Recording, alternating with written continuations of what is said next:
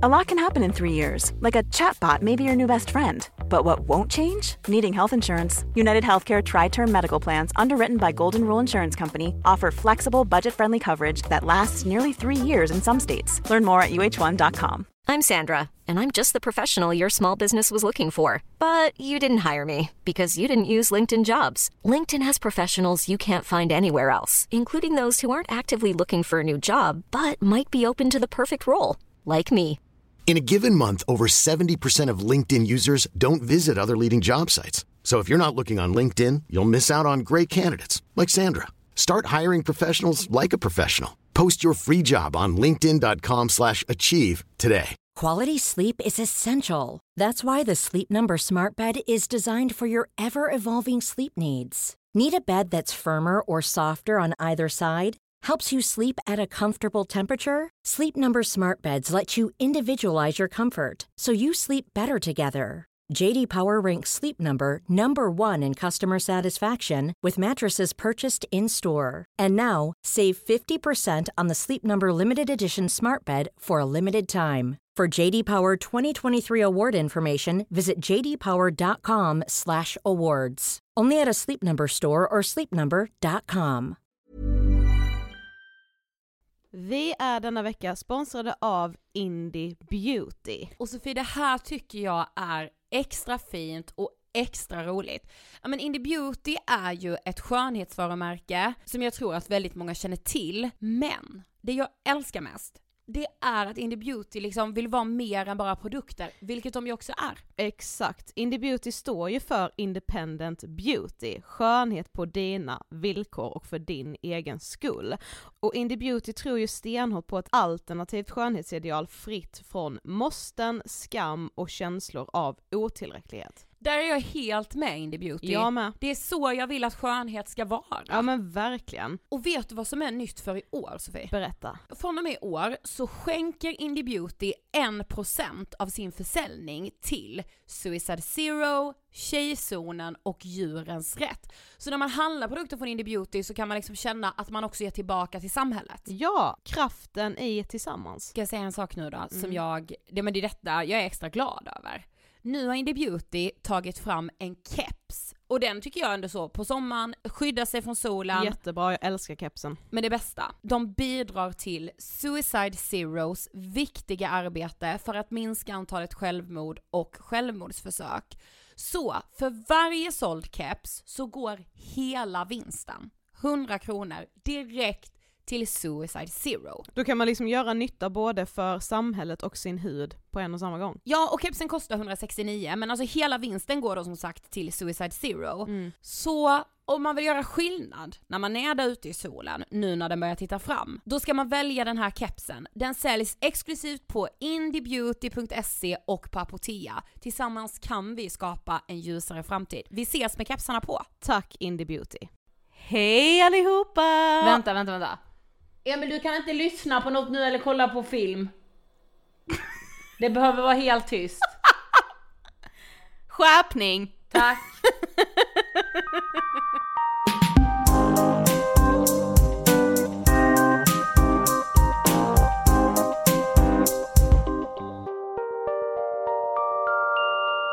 Hej allihopa och välkomna till avsnitt 271 av Ångestpodden. Hej allesammans! Det är lite jobbigt för jag ser dig knappt. Nej men nu ser, ser vi inte varandra alls. Men du fattar du, alltså vänta, du sa 271. Förstår du det? Alltså på ett, jag har funderat på detta senaste dagarna.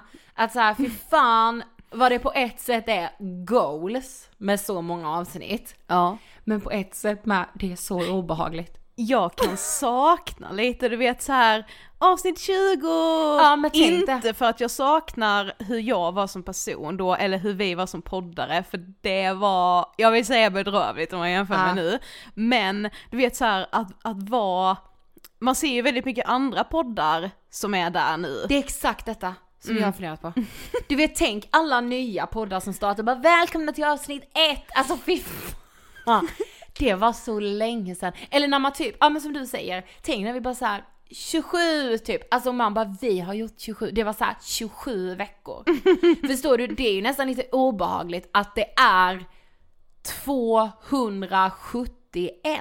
Ja, Men ett halvår till 300. Ursäkta?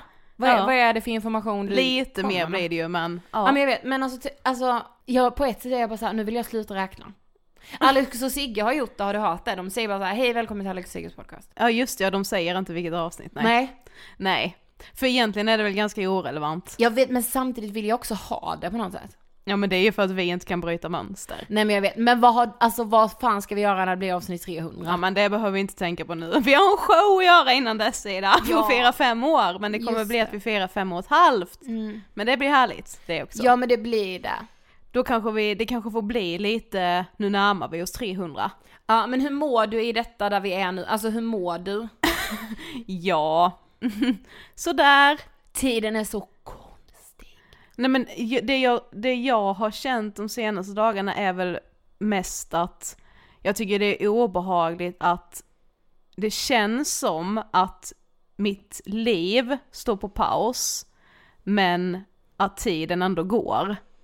Mm. Alltså för tiden rör ju sig. Jo. Det är så helt, nu är det snart maj. Ja jag vet, ja det är snart april först och främst. Ja, men- ja, när vi spelar in, eller när ni lyssnar på det här är det ju den 2 april. Precis. Men ja jag vet, men på ett sätt så har jag ju också känt att mars månad har ju aldrig varit längre. Nej, det är sant. Hela det här början på det här året har ju bara känts jobbig nu med facit i hand. Alltså, Ja, och sen så här, jag har också insett att jag lever också i något slags så här, ja men jag vet att Anders Tegnell sa på en presskonferens med Folkhälsomyndigheten förra veckan och han bara, ja alltså det vi pratar om här på den här presskonferensen, det är ögonblicksbilder av hur tillståndet är och jag bara, jag är också i ögonblicksmående. ja, och det är ju det som är så jobbigt ju. Ja, För jag har ju, det har jag ju tjatat om nu de senaste veckorna här, liksom, men att jag har insett hur mycket jag älskar att liksom, ja men så här, inte bara att jag måste planera upp allt, allt, allt hela tiden, för jag är ju en ganska oorganiserad person på många sätt också, men bara du vet så här att helt plötsligt inte kunna ha saker riktigt att våga se fram emot, för man är så rädd att det typ ska ställas in eller att saker inte ska ha löst sig. Men jag, alltså så här kan liksom mitt psyke se ut i en timme nu. Ena med 10 minuter. Det här kommer lösa sig, jag har tillförsikt, Sverige klarar det här så bra. 10 minuter senare, fan, tänk, de tänk om någon av mina anhöriga drabbas, vad fan gör jag då? Panik, tänk om de blir jättesjuka, tänk om de dör. 10 minuter senare, din bortskämda jävla gris, hur har du, hur har du mage att tänka så när redan folk är drabbade? Du har det så jävla bra, sitt inne, håll tyst, tvätta dina händer. 10 minuter senare, gud hoppas jag kan åka utomlands i maj. Alltså förstår jag du? vet, jag vet. Alltså det pendlar så otroligt Det är mitt minutiösa liksom, Och det är ju det som gör mig så, för det har jag med tänkt, alltså jag, på kvällarna, Mm. även fast jag under dagarna gör saker som kräver mycket mindre energi av mig än vad det brukar göra. Jag menar vi är hemma i Blekinge, ja vi försöker jobba på i den mån det går men det är ju, alltså mycket står ju still så vi har inte, vi har inte, vi har tid över nowadays kan man Ja. säga. Ehm, men men ändå på kvällarna, framåt typ halv åtta nyheterna. Du jag är så jävla trött, alltså Same. jag får typ spänna upp mina ögonlock med klädnypor Ja, jag för att med. inte somna framför tvn. Ja. Och jag bara, hur kan jag vara så jävla, jävla trött? Eh, och inser då att, ja men det är ju för att mitt, min hjärna går ju på högvarv av oro. Ja, exakt. Eh, Den äter min energi. ja, verkligen. Vi har denna veckan en ny sponsor. Välkommen till Ångestpodden Urbanista! Yay! Nej men de bästa hörlurarna jag någonsin har testat, vågar jag påstå. Så här är det Svi, vi har ju länge sagt att vi måste ha ett samarbete med några hörlurar eftersom hur lyssnar man på en podd? Jo, 90% via hörlurar. Yes. Urbanista kom ju in i mitt liv i julas. Just det. Då fick jag hörlurar i julklapp.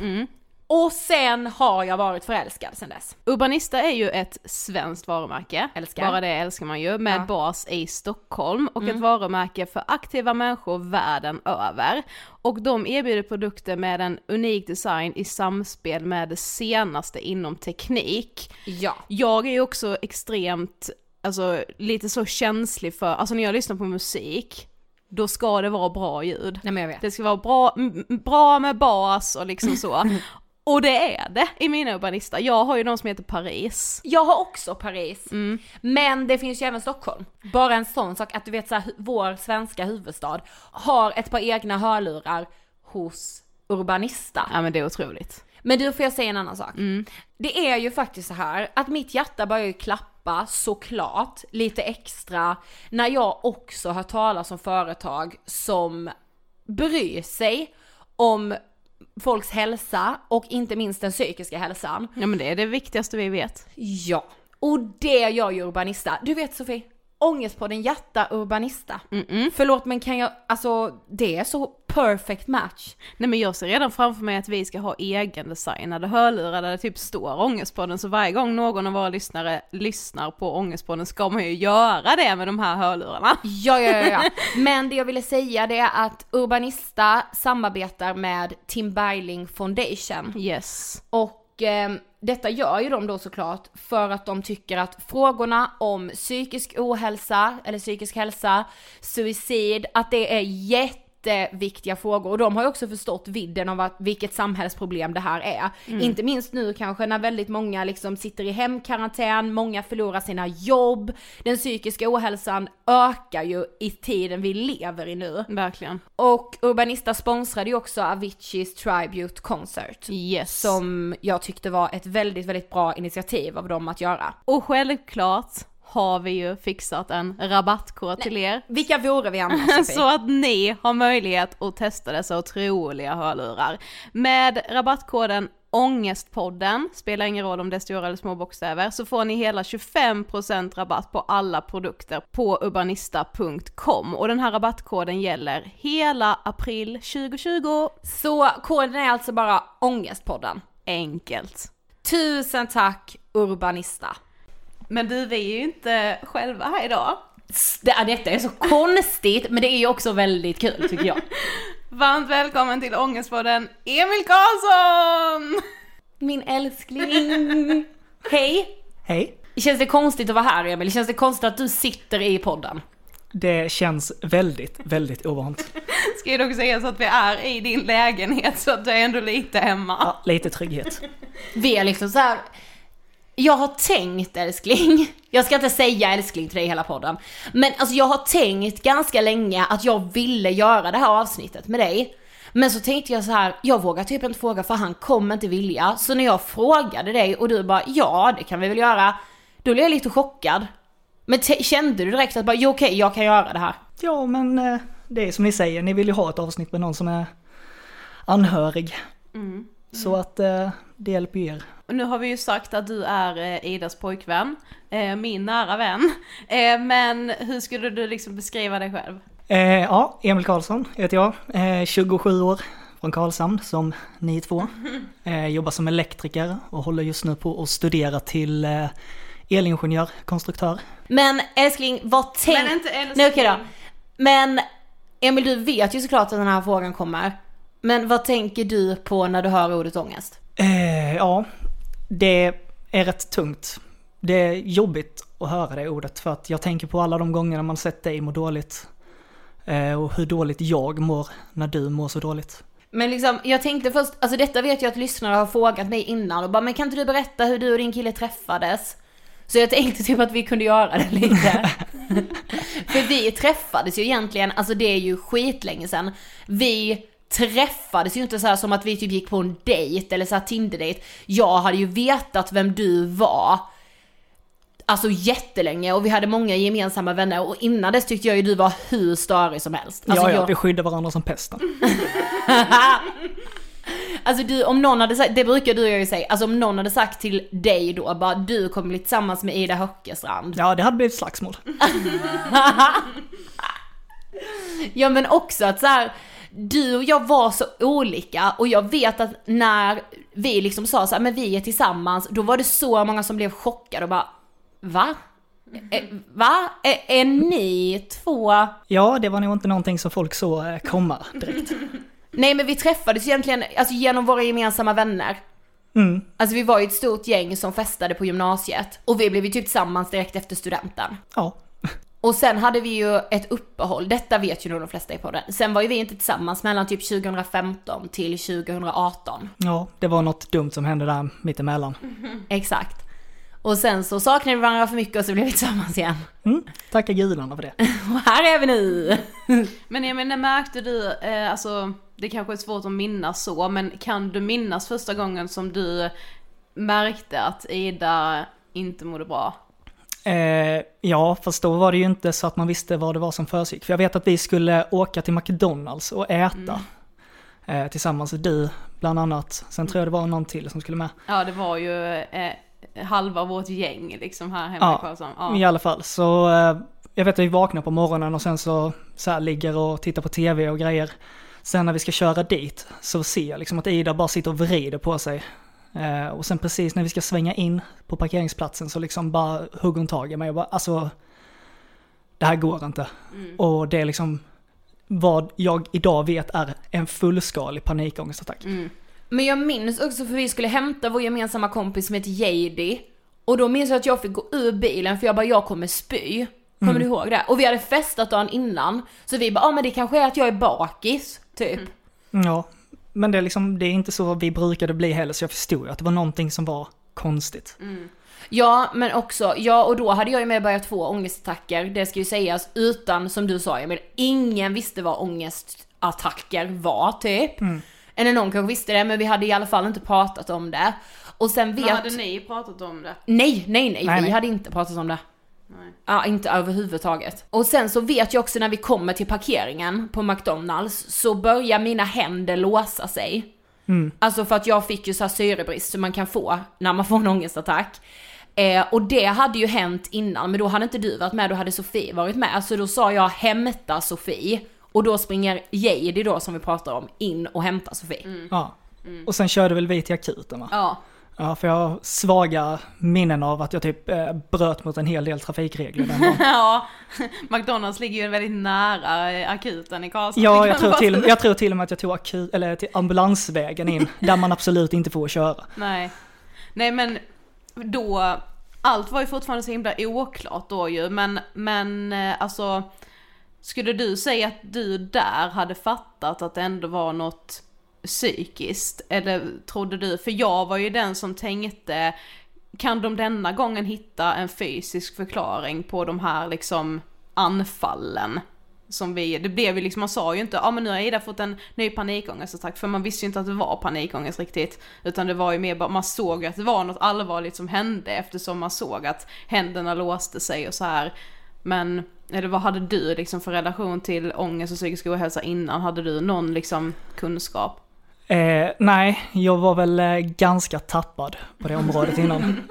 Ska man minst säga. Alltså jag var ju typiska killen liksom stod, eller vrålade och höjde rösten istället för att prata om saker och jag flydde från precis allting. Eh, så jag tror att psykisk ohälsa var nog någonting som jag förknippade med en människa som var svag. Eller typ, ja, hade råkat ut för massa olika grejer. Jag såg ju aldrig att det skulle kunna hända med någon, alltså vem som helst. Nej.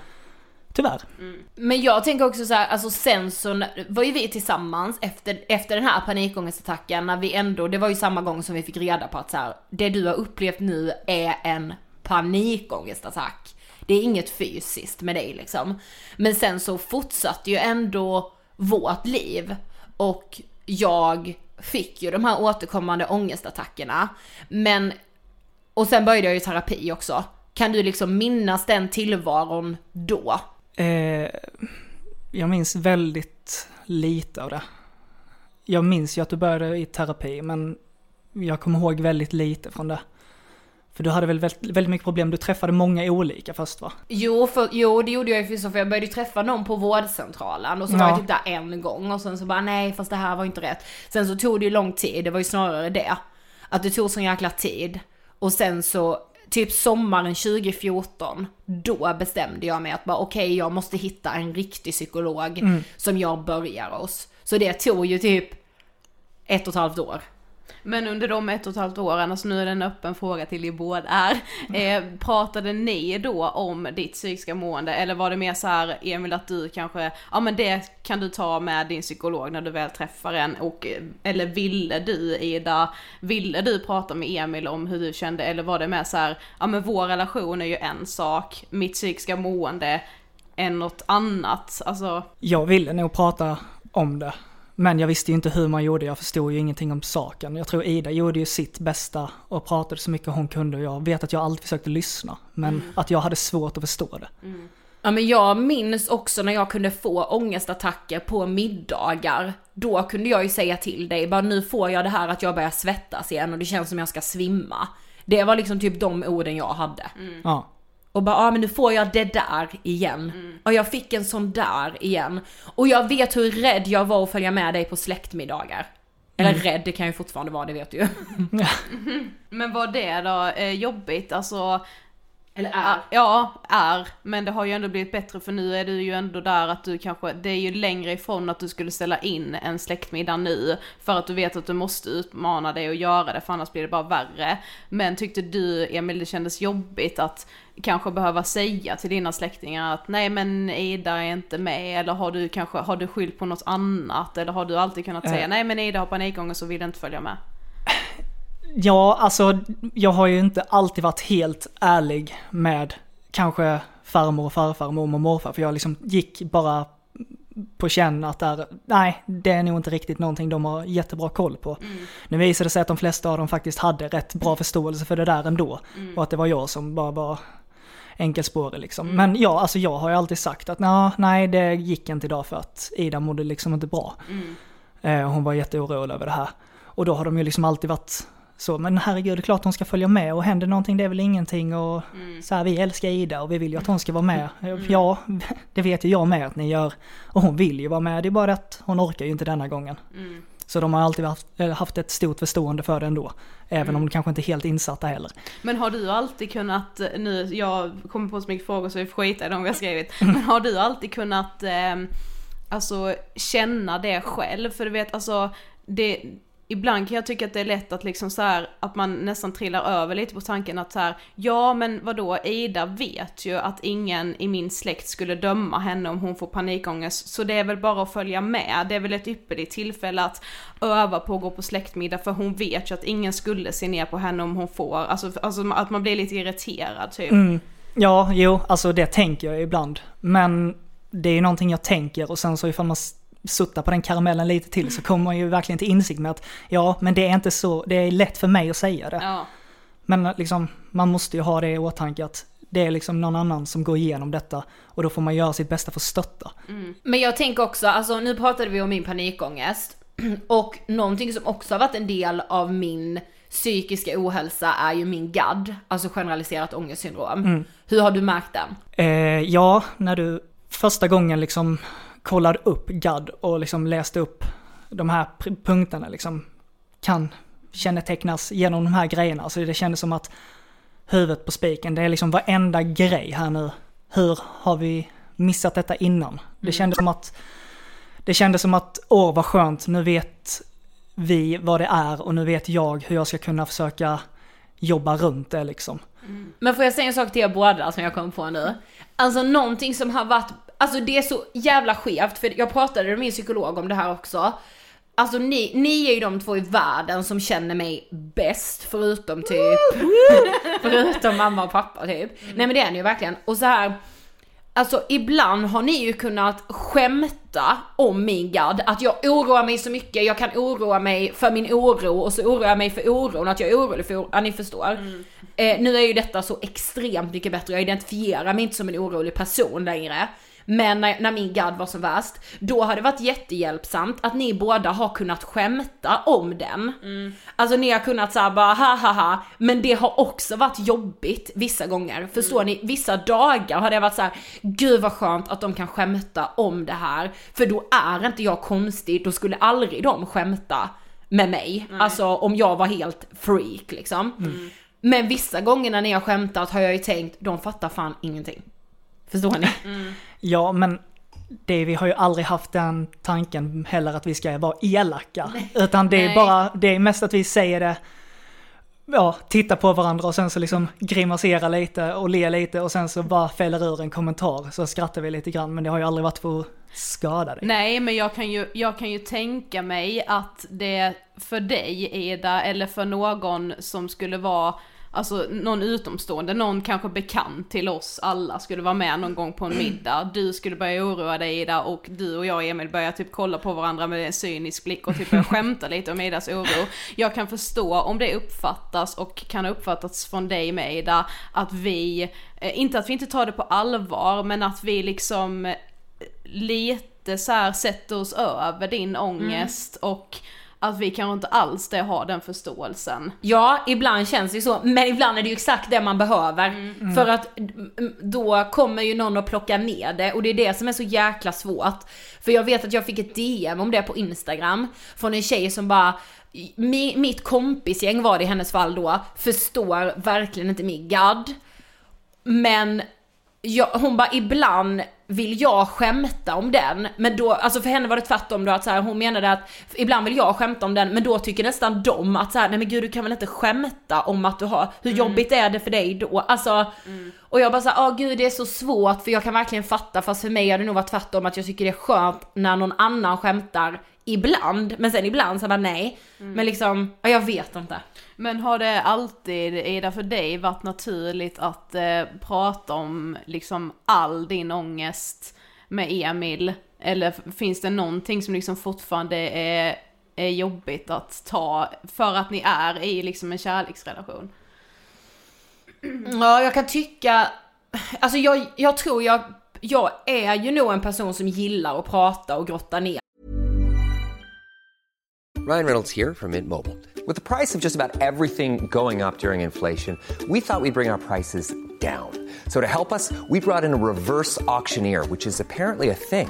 Mint Mobile unlimited premium wireless. Ready to get 30, 30, bit to get 30, bit to get 20, 20, 20, bit to get 20, 20, bit to get 15, 15, 15, 15 just 15 bucks a month. So, Give it a try at mintmobile.com slash switch. $45 upfront for three months plus taxes and fees. Promo rate for new customers for limited time. Unlimited more than 40 gigabytes per month. Slows. Full terms at mintmobile.com. Hiring for your small business? If you're not looking for professionals on LinkedIn, you're looking in the wrong place. That's like looking for your car keys in a fish tank.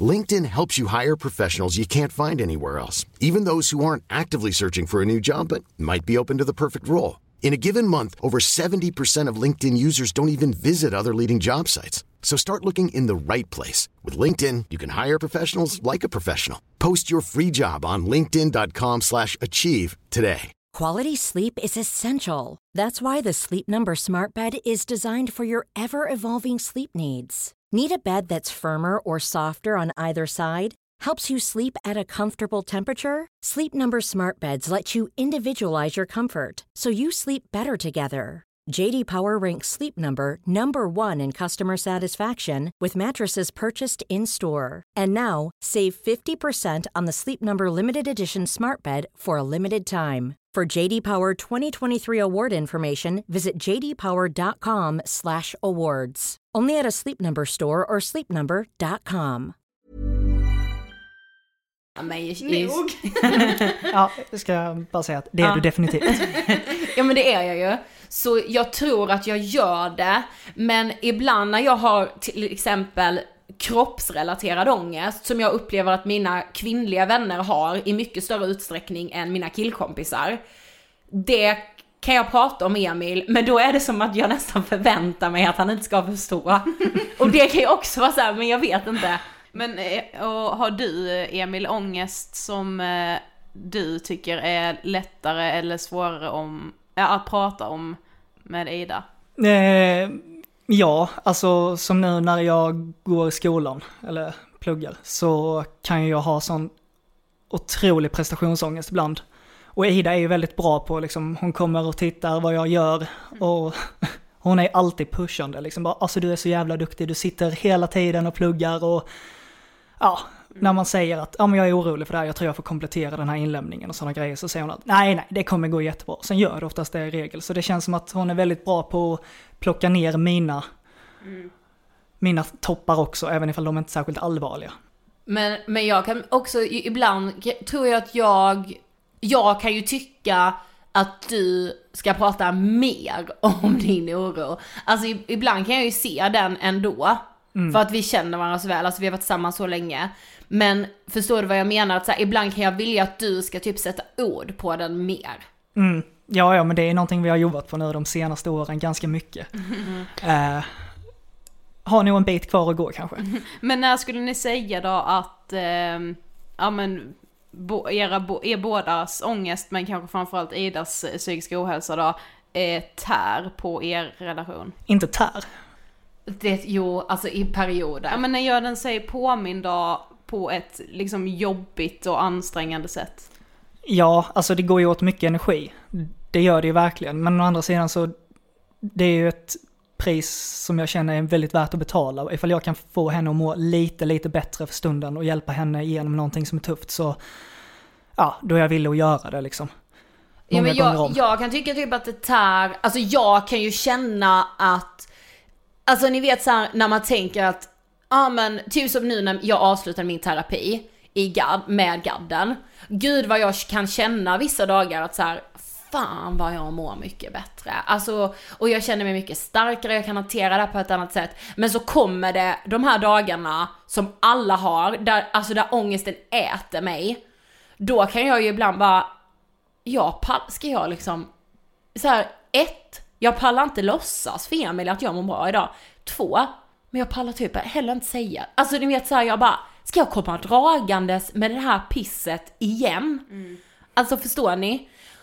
Alltså och då blir Gör jag så här, det, då kan jag tycka att det tär, alltså inte för att vi typ tjafsar, vi har ju nog aldrig bråkat. Aldrig vågat. Nej. Eh, ifall man vill ha eh, koll på det ska man fråga Johanna Nordström. Har, vi bråkar aldrig. Vi bråkar ibland, som alla par hoppas jag. Men jag skulle säga att jag tror aldrig vi har bråkat om Alltså du vet såhär, vi har aldrig bråkat, bara fan vad du alltid ska ta ut din ång, alltså typ så. Ja, du kan ha känt att du skulle vilja skrika det till mig och så tar du det på något annat sätt. Men vad vet jag? Nej jag skojar. Nej men jag kan känna att det är tär på att jag kan tycka att så här. kan inte vi bara få vara i vår relation? För att då tänker jag så här, för det är ju alla andra, det är de ju inte. Jag skulle säga det, är inte det eh, väldigt liksom typiskt kvinnlig grej kan jag tänka att vi har en ganska orimlig bild av hur en bra relation är. För vi utgår från att ingen annan bråkar eller vi utgår Mm. från att ingen annan behöver komma dragandes med sin ångest till sin partner. Fast, och det är ju helt sjukt att du och jag också har den bilden trots att vi har gjort det här i 271 avsnitt nu som vi pratade om. Men eh, ja, men har, kan du känna att du eh, tar på dig ett ansvar för I- över Idas mående? Alltså så här bara nu, ja men nu har Ida en liksom svacka när det är piss liksom, nu ska jag, nu är det, ligger det på mitt ansvar att få henne att må bra. Ja, jag känner ett ansvar. Jag känner väl kanske inte att det är mitt fulla ansvar att göra, men jag känner ju någonstans också att jag vill göra detta. Att jag verkligen vill göra allt i min makt för att lätta detta och kunna hjälpa henne. Det är väl det jag känner, men sen vet ju jag att jag inte har det ansvaret i grund och botten. Ja men vet du det alltid? Ja, Eller är det alltså, liksom lätt men, att säga det nu när man sitter här och poddar? För alltså det, men alltså ja, det kan ju komma, alltså det kan ju hända, man kanske har varit eh, på någon fest kvällen innan, det har ju hänt att vi har tjabbat lite när vi har kommit hem eller sådana saker. Och sen dagen efter så har det liksom legat och grått. Och då kan jag liksom känna, fan, varför liksom, varför kunde inte jag bara sätta mig ner och prata ut igår istället för att gå och tjura och stampa i golven och lägga mig tjurig liksom. Då tror jag att, då har jag nog ett större ansvar. Annars försöker jag liksom känna att jag får göra mitt bästa. Men det, det tror jag är lite, om jag får säga så, jag tror det är lite killigt. Jag tror att vi, eh, tjejer tar på sig mer, alltså i detta vet, nu generaliserar jag Mm, det får man göra. det grövsta. Nej men ni vet så här, jag tror att killar mer kan vara så här, ja jag har ett ansvar, men jag kan bara ta, alltså så här, jag kan bara göra mitt bästa som du säger nu. Emil, alltså du vet så här, jag tror att tjejer är så här, jag kan bara göra mitt bästa men det är inte tillräckligt. alltså Mm. att man, för det har ju jag känt att så här, jag vet ju att det räcker att jag bara lyssnar. Men ibland kan jag tycka tycka eller tänka att jag också ska komma med svar till någon som kommer till mig och mår dåligt. Att Mm. jag ska komma liksom och vara någon jävla Kjell Enhage då och bara så här, så här ska du göra för då blir det mycket bättre liksom, följ det här. Eller liksom, så här brukar jag göra när jag mår dåligt. Men man har ju inte de svaren för man vet ju inte själv vad man ska göra när man mår piss. Kan du liksom aldrig känna att du behöver komma med liksom, ja men med något sorts facit? Jo, jag känner ju att jag alltid vill försöka. Men eh, det är inte alltid man klarar av det. Men jag försöker ju, jag försöker verkligen hela tiden när Ida mår dåligt att sätta mig jämte och liksom försöka, men vad är det som, vad är problemet? Och försöka avväpna det så mycket jag kan liksom och gör, göra det enkelt Ja, i den men, mån jag kan. men jag tror också att, alltså du, jag tror att du kan bli frustrerad då när jag inte kan säga det exakt, förstår du? Mm. Ja, men det är klart, jag, alltså jag kan ju bli frustrerad. Det, är ju... Såklart kan jag bli det. Men jag försöker ju att inte ju, släppa igenom det. Nej men jag vet, men det är ju också mänskligt, alltså att bli det. Men för jag kan känna, alltså även om du inte har ångest, det tror jag med är tjejigt i en relation. Även om du inte är en person som har ångest kanske på samma sätt som jag, det är klart att du har ångest, det har alla. Men du vet, jag kan ju ibland känna att jag tar ansvar för ditt mående också. Alltså förstår du? För att så här, det tror jag ju verkligen är rent så här patriarkalt, jag är kvinna och så, åh gud, vi ska, jag ska se om vårt hus. Alltså då, då ska jag också ta ansvar för eh, Emil, att han mår bra. Alltså för, förstår ni? Det tror jag är typiskt kvinnligt. Inte att jag tar ansvar för ditt psykiska mående specifikt. Men mer så helhet, det tror jag kvinnor gör på ett annat sätt. Men har ni, har ni känt någon oro över, över er relation på grund av eh, ja, men ditt psykiska mående? Det är en fråga till båda här då. Ja, alltså jag har nog känt bara, alltså precis som jag har känt med dig Sofie, så har jag känt så här: hur länge ska Sofie palla det här? Och precis som du sa då att du också har fått tankar av att så här, hur, tänk, nej du har ju inte tänkt hur länge ska jag orka, men du har tänkt, tänk så kommer det en dag där jag inte orkar. Och så har jag väl tänkt med men också, alltså så här, tänk så kommer det en dag när han inte orkar.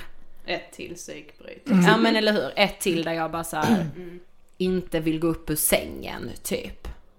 Mm. Jag tänker att ibland är jag så dålig på att prata om saker.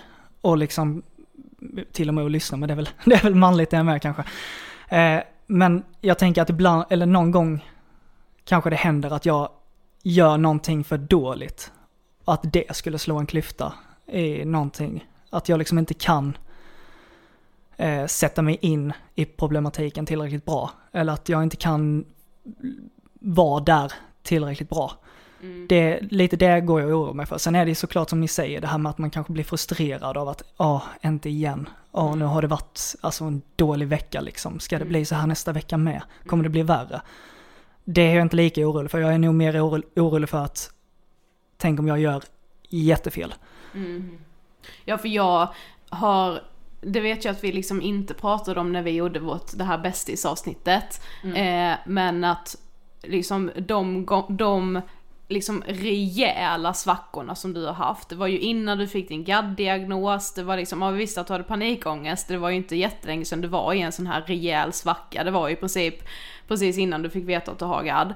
Eh, men då har jag i alla fall jag känt att varenda gång du har varit i de svackorna så har jag hört mig själv säga till mamma då att så här, ja men nu mår Ida piss igen liksom. Och mamma, åh nej och, och vad jobbigt liksom och så. Jag bara, ja och så här illa som det är nu har jag aldrig sett Ida. Alltså jag, och då har ju den tanken slagit mig med som du säger att så här, tänk så kommer vi till ett stadie, alltså så här, för det är, det är inte jättesvårt att som vän eller pojkvän eller vad man nu har för relation, att sätta sig in i någon som har lite panikångest eller som har en lätt depression. Men man har varit orolig att det ska liksom bli så illa så att man inte kan liksom på något sätt relatera. Alltså det skulle ju aldrig hända förmodligen men det är ju den oron som kickar in på något sätt att man bara Tänk så hamnar Ida i ett sånt mörker som jag absolut inte kan relatera till. Alltså nu nu kunde inte jag relatera till det mörkret du var i då senast. Men, och det gjorde ju inte att jag lämnade dig som bästa kompis, men det är typ det man är rädd att man ska vilja göra, för man vill inte hamna i den situationen. Nej. Ja men jag kom på en sak, ni vet så här, alltså det kan vara som att jag, alltså när man liksom har gått länge typ och mått dåligt för vissa saker, typ som jag kan ju, detta vet jag att jag pratade om med min psykolog och jag tror många, många, många som lyssnar kan relatera.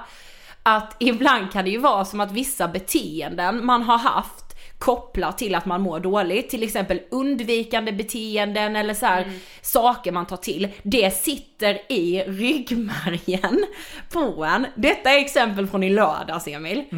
Då säger du, då, då säger du typ så här bara, ja ah, men min syrra frågar om vi ska komma dit och grilla korv, punkt. Idag har jag ju inga problem med det. Jag oroar mig inte över att jag ska få en ångestattack. Jag oroar mig inte över att jag ska känna att det blir jobbigt. Skulle jag få en ångestattack är jag 100% trygg att till din syrra och hennes kille säga att det är en ångestattack på gång. Nej, de hade hoppat på dig direkt. Nej men du vet så här. och men när du säger det, då är det som att i min ryggmärg kommer du med något oförberett till mig Jaha. som jag inte vet om och detta ska ske inom en timme.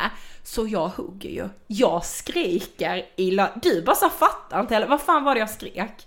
Jag har ingen aning, du skrek rätt mycket i lördags. Ja, nej men den morgonen, alltså för att i mitt, var det som att jag bara, va? Det ska vara jobbigt. Ja, exakt. Nästan så här, det ska vara jobbigt. Och varför kommer du att kasta detta på mig? Vadå om en timme? Jag behöver förbereda mig i tre dagar tills jag bara fick liksom, jag bara älskling förlåt att jag skrev på dig.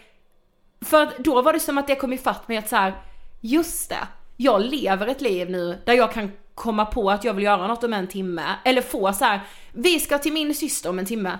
Ja det är lugnt. Men att så här förstår ni att det sitter så i ryggmärgen att man bara va? Vadå ursäkta? Det, varför har du inte sagt det? Nej jag kan inte göra något oförberett, så vet jag att vi har tjafsat om innan. Ja. Att jag bara såhär vadå? Nej jag tänker inte följa med på någon middag där, varför har du inte sagt det? Du får säga det fem dagar innan, typ.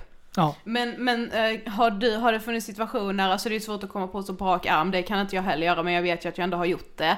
Att det sitter ju lite i ryggmärgen för oss som anhöriga också. Att så här, ja men om, eh, säg att, eh, ponera att din eh, farmor bara, ja men eh, vill du och Ida komma hit och äta middag ikväll? Då tänker du redan, du säger då hellre nej till din farmor innan du ens ställer frågan till Ida för du vet att det kommer bli tjafs om jag ställer frågan till Ida för hon vill förbereda sig fem dagar innan. Ja, det har, det har hänt. Det är så on point! Ja men det var detta, för det sa min psykolog men hon bara det är så himla intressant med GAD, för ofta ens närmast anhöriga, de har lika mycket mönster som du i din GAD. Och det har jag insett nu, både med dig, med, alltså dig Sofie, dig Emil, mamma och pappa, att så här, äh, då säger man det här, jag menar mina föräldrar kan ju fortfarande skriva till mig Eh, svara inte på lunchen, jag är på möte. Och jag blir så här, men du behöver inte säga det längre. Men innan blev jag ju skogstok. Alltså ni vet, jag gick bär, bär vad säger man? Bärsärkagång. Exakt, om de inte skrev det typ, om de inte svarade. Alltså man har ju haft situationer när man bara tänkt, Uff, hur ska jag lägga upp det här för Ida nu så att hon inte blir liksom, jag vet ju att du blir inte sur på mig, men det kommer ju ut i en ilska som du, jag förstår att det har gjort i lördags här. Men det är ju en liksom en oro som sitter i ryggmärgen och då blir det att man låter irriterad och arg. Men man vill bli, ing, jag tror att både du och jag Emil är ju ganska konflikträdda. Så man Ja. anpassar sig hellre då och så här, hur ska jag lägga upp det här? Nu gör jag inte det längre men innan vi visste att du hade gadd var det ju så. Jo men det var ju som i onsdags var det när jag var tränare. Och sen bytte ju de plats. Så jag liksom lämnade telefonen i bilen, jag bara sprang ut och eh, var med på träningen. Sen när jag kom ut i bilen igen, då hade vi stått och pratat lite mer. Och sen så tänkte jag, ja ah, men jag ringer Ida liksom och säger jag ska bara handla lite på vägen hem. Eh, och så här så hon vet var jag är liksom.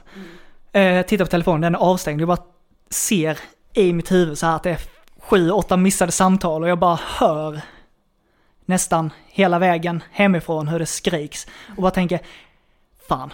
Så jag kör ju allt jag orkar liksom hem och bara river upp dörren. Hej telefonen har laddat ur! Och då kommer hon ut ur duschen och liksom bara, Va, vadå? Jag har inte...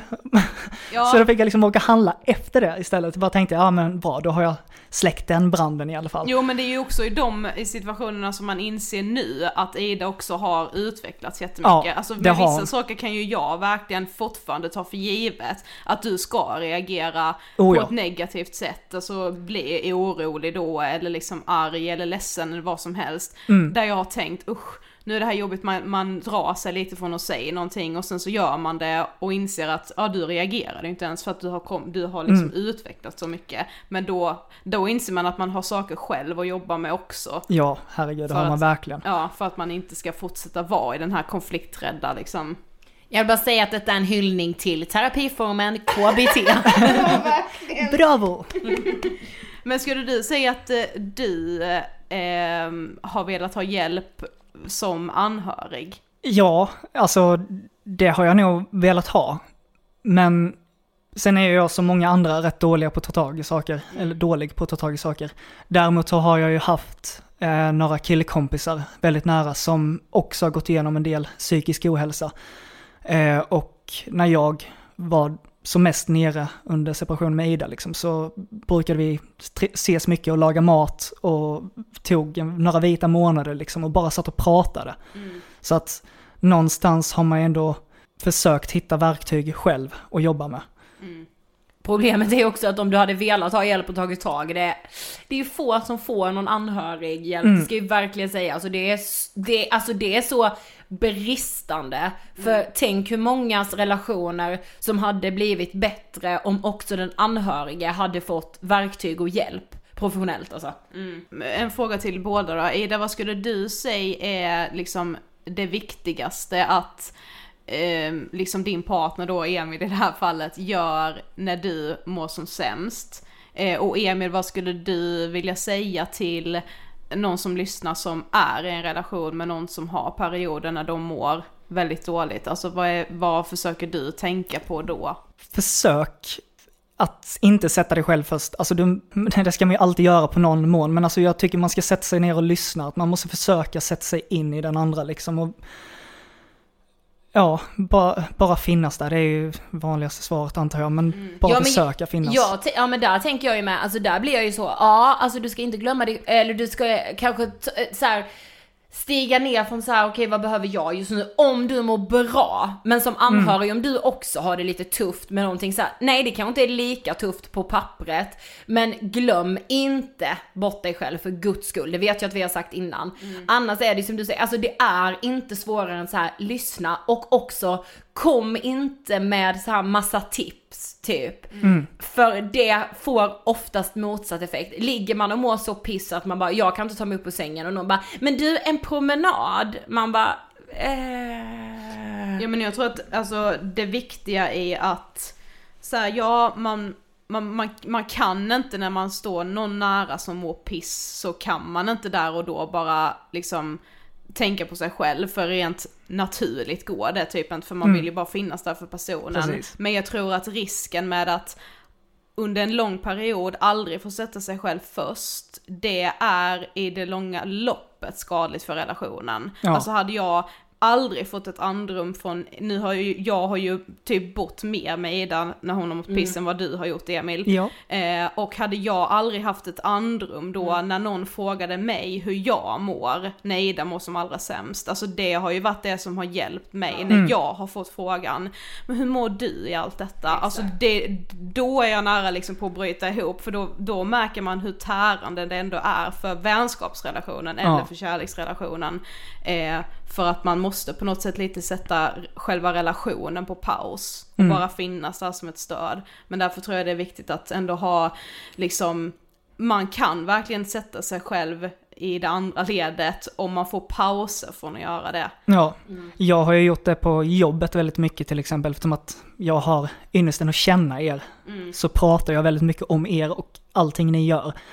Och det har liksom blivit mer naturligt för mig också att prata om att fan, idag är ingen bra dag och nej, jag känner mig lite nere idag. Så inga skämt liksom idag eller härja inte med mig liksom, för jag, jag orkar inte det idag. Och jag har ju märkt väldigt mycket att nu har folk börjat prata lite mer, liksom gubbar i byggboden liksom. Man går där på, man går där och snickrar lite och, och jobbar. Och sen så kommer någon, aj alltså, nej nu är det inte bra hemma så det tjabbade vi igår och jaha men kommer detta sig? Alltså jag tror, det är När Emil kom hem från en julfest i julas, typ såhär fyra, men alltså vi har haft sådana deep talk. och sen låg jag och grät i två timmar. Ja. Nej men det gör ju också, de där samtalen gör ju att man lite sänker sin egna ribba för vad man har för förväntningar på en relation. Ja, vare sig det är en vänskaplig eller kärleksrelation. Man fattar att alla har lite, lite trubbel ibland. Minst sagt, minst sagt. Okej, ja, men du ska få sista frågan också. Vad inspirerar dig? Ni inspirerar mig. Jag tycker Ja, jag ni hade tänkt är... på den länge. Ja, du, ja, jag vågar, ja, hjälp, hjälp. Nej, jag tycker ni är så jävla häftiga. Men tack så jättemycket Emil för att du ville gästa. Det var väldigt kul att ha det här. Tack för att jag fick komma. Gud vad sjukt att min kille har varit här nu. Ja men det känns väl bra att prata ut. Du var lite så led, lite så terapeut. Du bara, vad säger ni om? Och En öppen fråga till er båda. ja, jag skrattade lite faktiskt när du sa det som hände i lördags. Som att vi verkligen... Som att han ni hade sökt till Dr. Phil för den sjuka saken som hände i lördags. Ja ja, det var lite annorlunda avsnitt men det var väldigt kul att spela in. Ja, det var, det var fint. Det var väldigt fint. Eh, ni vet ju vad ni ska göra. Eh, följ oss på Instagram, det heter vi Angestpodden. Eh, och vi släpper avsnitt precis som vanligt varje torsdag. Vi följer vårt poddschema för att ni ska få en liten paus från covid-19. Jag såg faktiskt någon som hade twittrat och skrivit så här. jag lyssnar på de här poddarna, så hade de skrivit bland annat då oss, Spöktimmen och skrev, ja men har skrivit lite poddar. Så skrev hon så här, och de pratar inte så mycket om covid-19 för de har ett schema de följer. Och då blev jag, hon bara det, det kan vara väldigt skönt. Och då blev jag jätteglad när jag såg den tweeten. Tack till dig twittrare, jag kommer inte ihåg vad du hette nu förlåt. Men, men alltså då kände jag så här, ja vi kommer följa det här schemat. Sen kommer vi ju inte, o, alltså vi kommer ju kommentera läget såklart så som vi har gjort. Ja men det är ju för att vårt mående förändras på grund av situationen men man får inte tillåtas att dra ner, alltså att man drar ner sig själv i det för mycket tror jag. Det är viktigt att bara fortsätta hålla sina rutiner och våra rutiner är att följa vårt poddschema. Bra Sofie.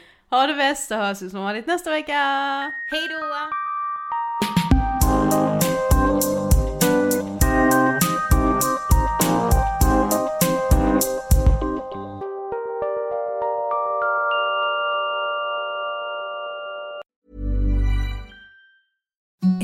The softest sheets you've ever felt. Now imagine them getting even softer over time. That's what you'll feel with Bowl and Branch's organic cotton sheets. In a recent customer survey, 96% replied that Bowl and Branch sheets get softer with every wash. Start getting your best night's sleep in these sheets that get softer and softer for years to come. Try their sheets with a 30-night guarantee. Plus, get 15% off your first order at bowlandbranch.com. Code BUTTERY. Exclusions apply. See site for details.